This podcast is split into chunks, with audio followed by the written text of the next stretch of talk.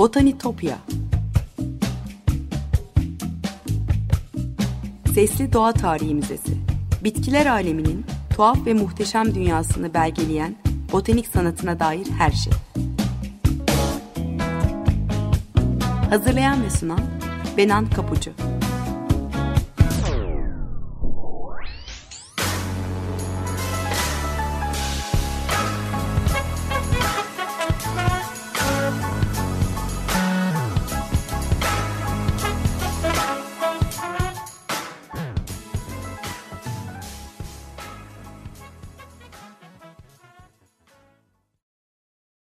Merhaba sevgili Açık Radyo dinleyicileri. Botanitopya'ya, bitkiler aleminin tuhaf ve muhteşem dünyasına hoş geldiniz. Anlatıcınız ben Benan Kapıcı. Botanitopya.gmail.com elektronik posta adresinden ya da aynı adlı Twitter ve Instagram hesaplarımdan bana her zaman ulaşabilir. Yorumlarınızı ve anlattığım konuya dair katkılarınızı paylaşabilirsiniz. E, bazen burada anlattığım hikayeleri görsellerle, küçük özetlerle e, destekliyorum sosyal medya hesaplarım üzerinden. O yüzden takipte olursanız çok çok sevinirim. Eski program kayıtlarına da Spotify'dan Açık Radyo Podcast'leri üzerinden ulaşabildiğinizi de tekrar hatırlatmak isterim. Ee, sevgili dinleyiciler bugün size kakao ağacını anlatacağım. Tropik bölgelerde yetişen bodur bir ağaç. Theobroma kakao ve her çikolata aşığı gibi ben de ona ve tabii onun lezzetini keşfeden eski halklara derin bir şükran borçluyum. E, son yıllara kadar kakao ağacını ilk yetiştirenlerin Aztekler olduğunu sanıyorduk ama öyle değilmiş. Orta Amerika değil, Güney Amerika kökenli. Son araştırmalar e, kakaonun ilk kullanımının 5000 yıl önce Ekvador'da yaşamış çok daha eski toplumlara dayandığını ortaya koyuyor. 3 yıl önce Communications Biology'da yayınlanan bir makaleye göre e, taş ve seramiklerde bulunan kimi kalıntılar kakaonun büyük olasılıkla 3600 yıl önce e, bugün Ekvador sınırları içinde olan Mayo Çinçipe bölgesinde bir içecek olarak tüketildiğini ve buradan ticaret yoluyla Orta Amerika'ya da yayıldığını kanıtlıyor. E, kakaodan çikolataya uzanan o maceralı yolculuğa geçmeden önce bitkinin botanik özelliklerine bakalım. E, kakao, e, bilimsel adıyla Theobroma kakao, ebegümecigiller e, familyasına ait bir bitki türü. Ekvatorun 20 derece kuzey ya da 20 derece güneyinden ötede doğal olarak yetişmeyen e, çok nazlı bir ağaç. Doğal alanı Güney Amerika, Batı Afrika ve Batı Hint adaları. E, tropikal bir ağaç, gölge, yüksek sıcak ve neme ihtiyaç duyuyor ve yağmur ormanlarının altında çok daha iyi serpilebiliyor. İdeal koşullarda dikilmişse 3. veya 4. yılında meyve vermeye başlıyor ve boyu 8 metreye kadar uzayabiliyor. Modern plantasyonlarda gölge için o çiftçiye de ek fayda sağlayan muz veya kauçuk e, bilimsel adıyla Hevea brasiliensis ağaçların altına dikiliyor. E, meyveleri doğrudan ağacın gövdesi ve dallarından çıkıyor. Ekoliflori çiçeklenme deniyor buna. E, şaşırtıcı derecede küçük ve narin görünümlü pembe çiçekler bunlar. Erken dönem bitki ressamlarının bilmediği bir detay olduğunu anlıyoruz. Çünkü e, tanıdık meyve ağaçlarında olduğu gibi dallardan sarkan baklalar gibi e, yanlış çizilmiş örneklere rastlıyoruz bolca.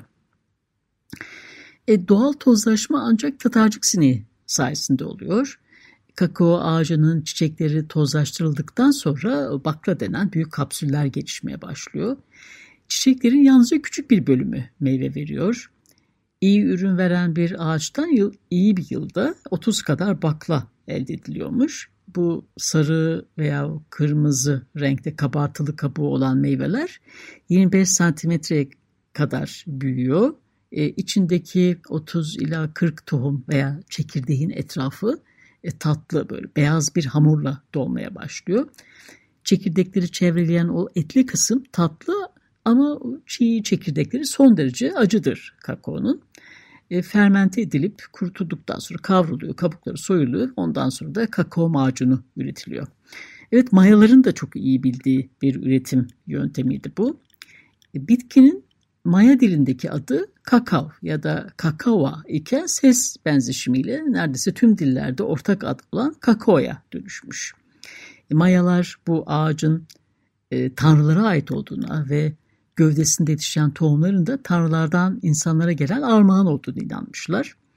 E, Carolus Linnaeus da e, öyle düşünmüş olmalı ki e, ona tanrıların yemeği anlamına gelen Theobroma adını vererek sınıflandırmış. Şekerin bilinmediği e, fetih öncesi Latin Amerika'da kakao ezilerek acı su elde ediliyormuş. E, çikolata adı acı su anlamına gelen Aztek kelimesi Coculatle'dan geliyor. E, Mayalardan kalan tarih öncesi bir el yazmasında e, toprakta doldurulmuş bir çukurda yetişen kakao ve tohumları resmedilmiş. Kakao çekirdeklerinden yapılan acı ve mayalı içeceği ancak kralların ve asilzadelerin tüketebileceği lüks bir içecektir yani o zaman. Halkın, işte kadınların ve çocukların tadına bakmalarına bile izin verilmezmiş. E, kutsal ayinlerde de kullanıyor. Şölenlerden sonra servis edilip e, kabak kupalardan içiliyordu. Çekirdekler çok değerliydi. O yüzden para birimi olarak da e, kullanılmış. Önemli kişilerin mezarlarına da bırakılırmış. E, Mayaların çöküşünün ardından Toltekler ve Meksika'dan gelen Aztekler de aynı kutsiyeti e, atfeder kakao ağacına ve o acı içeceğe. Aztek inanışına göre Aztek kralı ve hava tanrısı Quetzalcoatl'ın misyonu insanlarına Eden bahçelerinden kakao ağacının tohumlarını getirmek ve ölümlülere bu tohumu ekmeği öğretmekte. E, ama kral politik ayaklamalar nedeniyle küçük bir salla ülkeyi terk etmek zorunda kalır ve halkına geri dönüp krallığını yeniden kuracağı sözünü verir. Bu sürgün efsanesi Aztek mitolojisine de girer. E, kahinler 1519 yılında beyaz yüzlü bir kralın halkını kurtarmak için geri döneceğini söylemiştir. Azteklerin sonunu getiren de bu bekleyiş, bu inanış olur biliyorsunuz. Acımasız İspanyol kaşif Hernán Cortés 1519 yılında bu topraklara ayak bastığında Aztek kralı Montezuma onun sürgüne gitmiş e, Toltek kralının reenkarnesi olduğuna inanmış. Başkent e, Tenochtitlan'ın e, kapılarını sonuna kadar açmıştı. Hatasını fark ettiğinde çok geçtir artık. Cortez önce kralı esir alır. 2-3 yıl içinde büyük bir kıyımla bu görkemli krallığı yok eder. 1502 ve 1520 yılları arasında Tenochtitlan'ın yani bugün modern Mexico City'nin olduğu kentin hükümdarı olan Montezuma e, Quetzalcoatl olarak adlandırılan e, köpüklü koyu içeceğin birçok aromalı versiyonunu e, da içtiği biliniyor. E, biraz da bağımlısı olduğu bir içeceği. E, vanilya, acı biber, baharatlar, bal, e, otlar veya çiçekler de katarmış. E, Cortez'ten önce kakao çekirdekleriyle ilk karşılaşan e, kaşif Kristof Kolomb olmuştu aslında. 1502'deki e, dördüncü ve son yolculuğunda Yucatan Yarımadası'ndan bir Maya kanosu ele geçirmiş. Taşıdığı yükü incelerken daha önce görmediği giysiler ve gıda maddelerinin yanı sıra kakao çekirdekleri de bulmuştu. Yeni İspanya'da para için kullanılan bademler diye tarif eder bulduklarını. Aslında altının peşinde olan kolon çekirdeklerle pek ilgilenmez. Hernan Cortes'in hayali de Aztek altını Eldorado'yu bulmaktı denize açılırken ama o Kolomb'un aksine kakao ağacındaki cevherin de farkına varır. Çekirdeklerinin tırnak içinde paraların ağaçlarda yetiştirilebileceğine idrak eder. Orta Amerika'ya ayak bastıktan sonraki 5 yılını Karayipler'de kakao ağaçları dikip bu sıvı altının ticari potansiyelini keşfetmekte geçirmiş. E, kakao ağacı yetiştirmek ucuz ve oldukça karlı bir iştir. O yüzden kolay yoldan zenginleşme hayali tüm İspanyol kolonicileri cezbeder.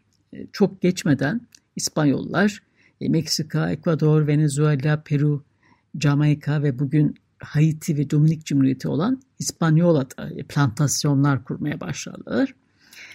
İspanyol koloniciler e, kakao ağacı yetiştirmenin sırrını uzun süre saklamaya çalışmışlar. İyi bir sebepleri vardı e, çünkü. E, kakaoyu gemilerle Avrupa'ya göndermeden önce çekirdekleri Latin Amerika'da işlemekten büyük karlar elde ediyorlardı. E, fakat bu sırrı sonsuza kadar saklayamazlar elbette. Almanlar e, kakao ağacını sömürgeleri olan Java ve Sumatra'ya yüz binlerce Afrikalı köle çalıştırarak Filipinlere, Yeni Gine'ye, Samoa ve Endonezya'ya götürüp büyük paralar kazanırlar. Fransızlar Portekizlerle birlikte Martinik ve Brezilya'ya yerleşir. E, Trinidad'ı da e, İngilizler alır. 19. yüzyılda İngilizler Sri Lanka'ya da yerleşmişti. Kakao ekimi böylece Güneydoğu Asya'da yayılır. E, plantasyonlarda orijinal e, Mezoamerika varitesi Criollo yetiştiriliyordu. E, kaliteli ürün veren bu ağaç ne yazık ki hastalıklara karşı çok dirençsizdir. Trinidad e, plantasyonlarını neredeyse kökünden kurtan bir küf e, mantarından sonra Criollo yerine daha sağlam bir variyete olan Forastero ekilmeye başlamış. Bugün dünya kakao üretiminin neredeyse yüzde sekseni Brezilya'da kendine yetişen bu yabanıl türden elde ediliyor. E, dolgun Forastero ile daha yoğun aromalı Criollo'yu birleştiren melezler de üretiliyor. E, Trinitario, e, Trinidad'da bir fırtınanın oradaki tüm Criollo ağaçlarını yok ettiği varsayıldıktan sonra ortaya çıkan doğal bir melez. Ağaç kendi tohumlarını dağıtamıyor ancak bunu yapmak için insanların veya başka bir aracının müdahalesine ihtiyacı var. Evet e, bir müzik arası verelim şimdi sevgili dinleyiciler. E, kakao ve elbette çikolata nasıl yayılmış dünyaya onun hikayesine devam edeceğiz. Leonard Cohen söylüyor. Everybody Knows. 4-5 dakika sonra yine buluşalım. Merhabalar tekrar. 95.0 Açık Radyo'dasınız. Tanrıların Armağanı kakao ağacını konuşuyoruz. 1500'lerden 1800'lere uzanan kakao ağacının bu emperyal genişleme çağı yalnızca kakaonun tüm dünyaya dağılmasına değil, yerli halkların sahip olduğu bilginin de yayılmasına yol açar. Amerika kıtasının yerli halkları ve sömürgeci güçler arasındaki bilgi akışını anlatan en iyi örneklerden biri Meksika Ot kitabı olarak bilinen Badianus el yazması.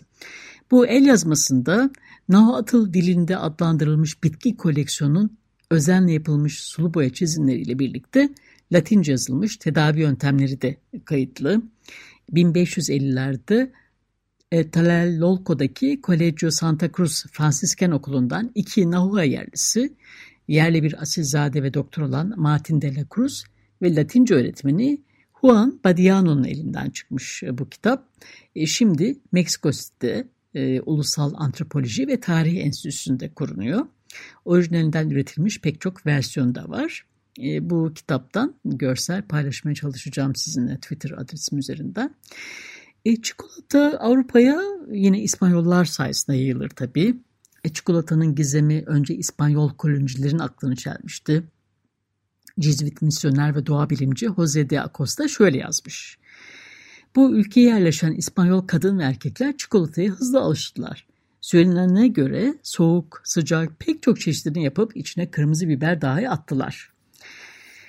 E, çikolatanın ayıltıcı ve kuvvet verici özellikleri olduğunu öğrenen Hernan Cortes, İspanya Kralı 1. Carlos'a kakao çekirdeğinden de bahseder. Şöyle yazmış. Bu kutsal içecek direnç sağlıyor ve yorgunlukla savaşıyor. Bu kıymetli içeceğin bir bardağı insanın hiçbir şey yemeden tüm gün boyunca yürümesine yetiyor diyerek yeni dünyanın bu sağlıklı besinin büyük potansiyeli konusunda onu ikna eder. E, kakao 1500'lerin ortasında Avrupa'ya geldiğinde e, sindirimi kolaylaştırıp mideyi yatıştıran şifalı bir içecek olarak tüketilmeye başlar. Yüzyılın sonuna doğru şekerle tatlandırıldıktan sonra da giderek popülerleşir. Ancak o kadar pahalıdır ki yalnızca soylular, e, elitler tüketebiliyordu. İspanya'dan sonra yavaş yavaş e, Avrupa'nın diğer bölgelerine de yayılır e, İtalya'ya, Fransa'ya, Almanya'ya. E, çikolatanın e, Fransa'ya nasıl ulaştığına dair e, farklı teoriler var. E, en popüler olanlarından birisi 1615 yılında e, Fransız ve İspanyol hanedanlar arasındaki evliliklerle ilgili. E, daha sonra 1660 yılında Maria Teresa Fransa Kralı 14. Louis ile evlendiğinde memleketi İspanya'dan yanında hediye olarak çikolata da getirmiştir iddiaya göre. Ancak bunun için sağlam bir kanıt yok. Bir başka teoriye göre de çikolata Fransa'ya ilaç olarak girmişti. E, Fransız tarihçi Bonaventure Dargon'un notlarında Lyon kardinalinin hırçınlıklarını yatıştırmak, öfkesini ve sertliğini yumuşatmak için e, çikolata içtiğine ve bu sırrı çikolatayı Fransa'ya getiren bazı İspanyol keşişlerden almış olabileceğine dair kesin kanıtlar olduğu söyleniyor. E, çikolatanın Britanya'ya ulaşması ise diğer iki uyarıcının yani Asya'dan gelen çayın ve Afrika'dan gelen kahvenin ülkeye gelmesiyle neredeyse aynı zamana e, rastlıyor. İngiliz sosyetesinin ilgisini öncelikle nispeten daha ucuz olan kahve çekmiştir ama çok geçmeden çikolataya da yönelirler. E, 1657 yılında The Public Advisor'da ilk çikolata evinin açılışından bahsedilmiş. İki yıl sonra da Londra'da bir gazetede Bishopsgate Caddesi'ndeki Queen's Head pasajında bir Fransız tarafından satılan mükemmel bir Batı Hindistan içeceğine dikkat çekiliyordu. E, dönemin ünlü İngiliz günlük yazarı Samuel Pepys de e, ateşli bir çikolata ya da Jacqueline hayranı e, ve çikolata evlerinin müdavimiydi. Yazdığı günlüklerin bir bölümü de kralın taç giyme töreni sabahında akşamdan kalma halinden şöyle bahsetmiş.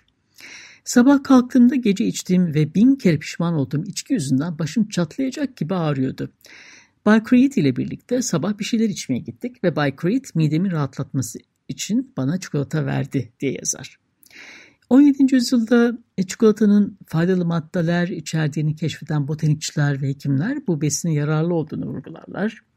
Örneğin İtalyan hekim Stefano Biancardi de övgülerini belirtir. Şöyle yazar.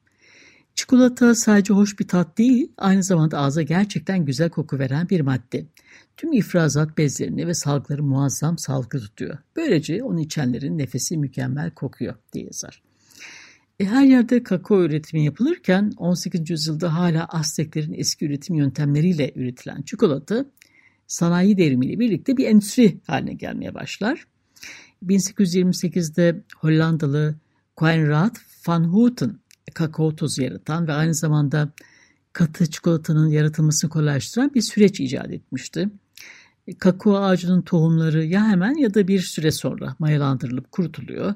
E, böylece tohumun acı lezzeti kayboluyor ve hoş bir koku e, ortaya çıkıyordu. Sonra bu taneler kavrularak un haline getirilip yağ alınıyordu.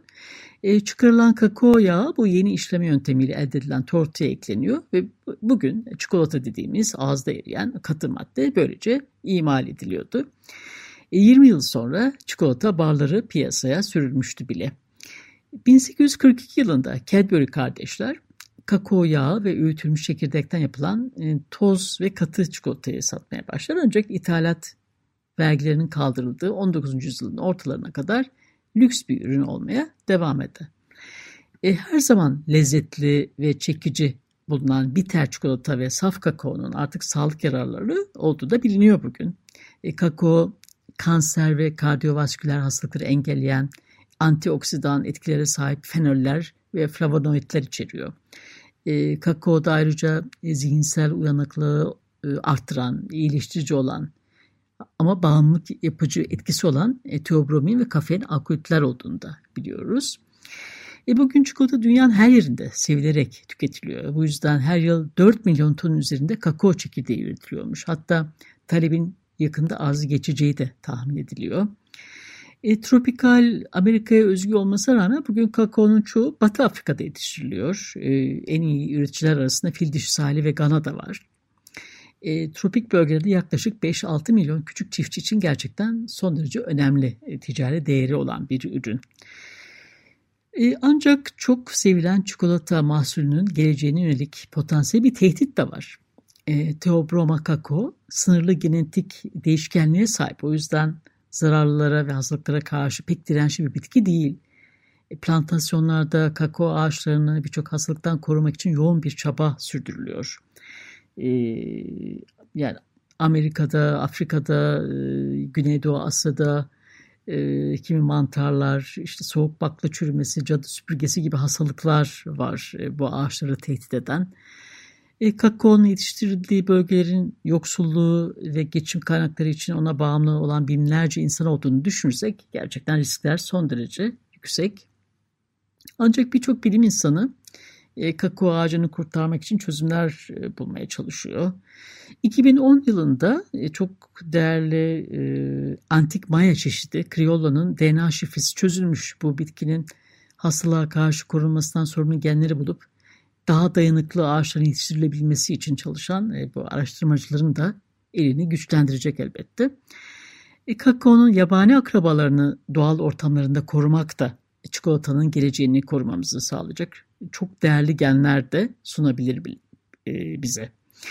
E, işte yağmur ormanlarının korunmasını desteklemek için size çok iyi bir neden daha.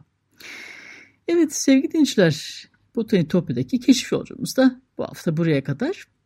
Programı kapatırken Botanitopya adlı Twitter ve Instagram hesaplarımda tekrar hatırlatmak isterim. Takipte olursanız çok çok sevinirim.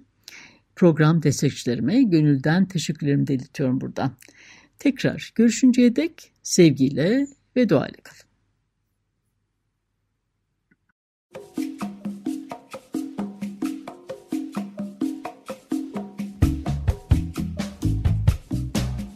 Botanitopya Sesli Doğa Tarihi Müzesi Bitkiler aleminin tuhaf ve muhteşem dünyasını belgeleyen botanik sanatına dair her şey. Hazırlayan ve sunan Benan Kapucu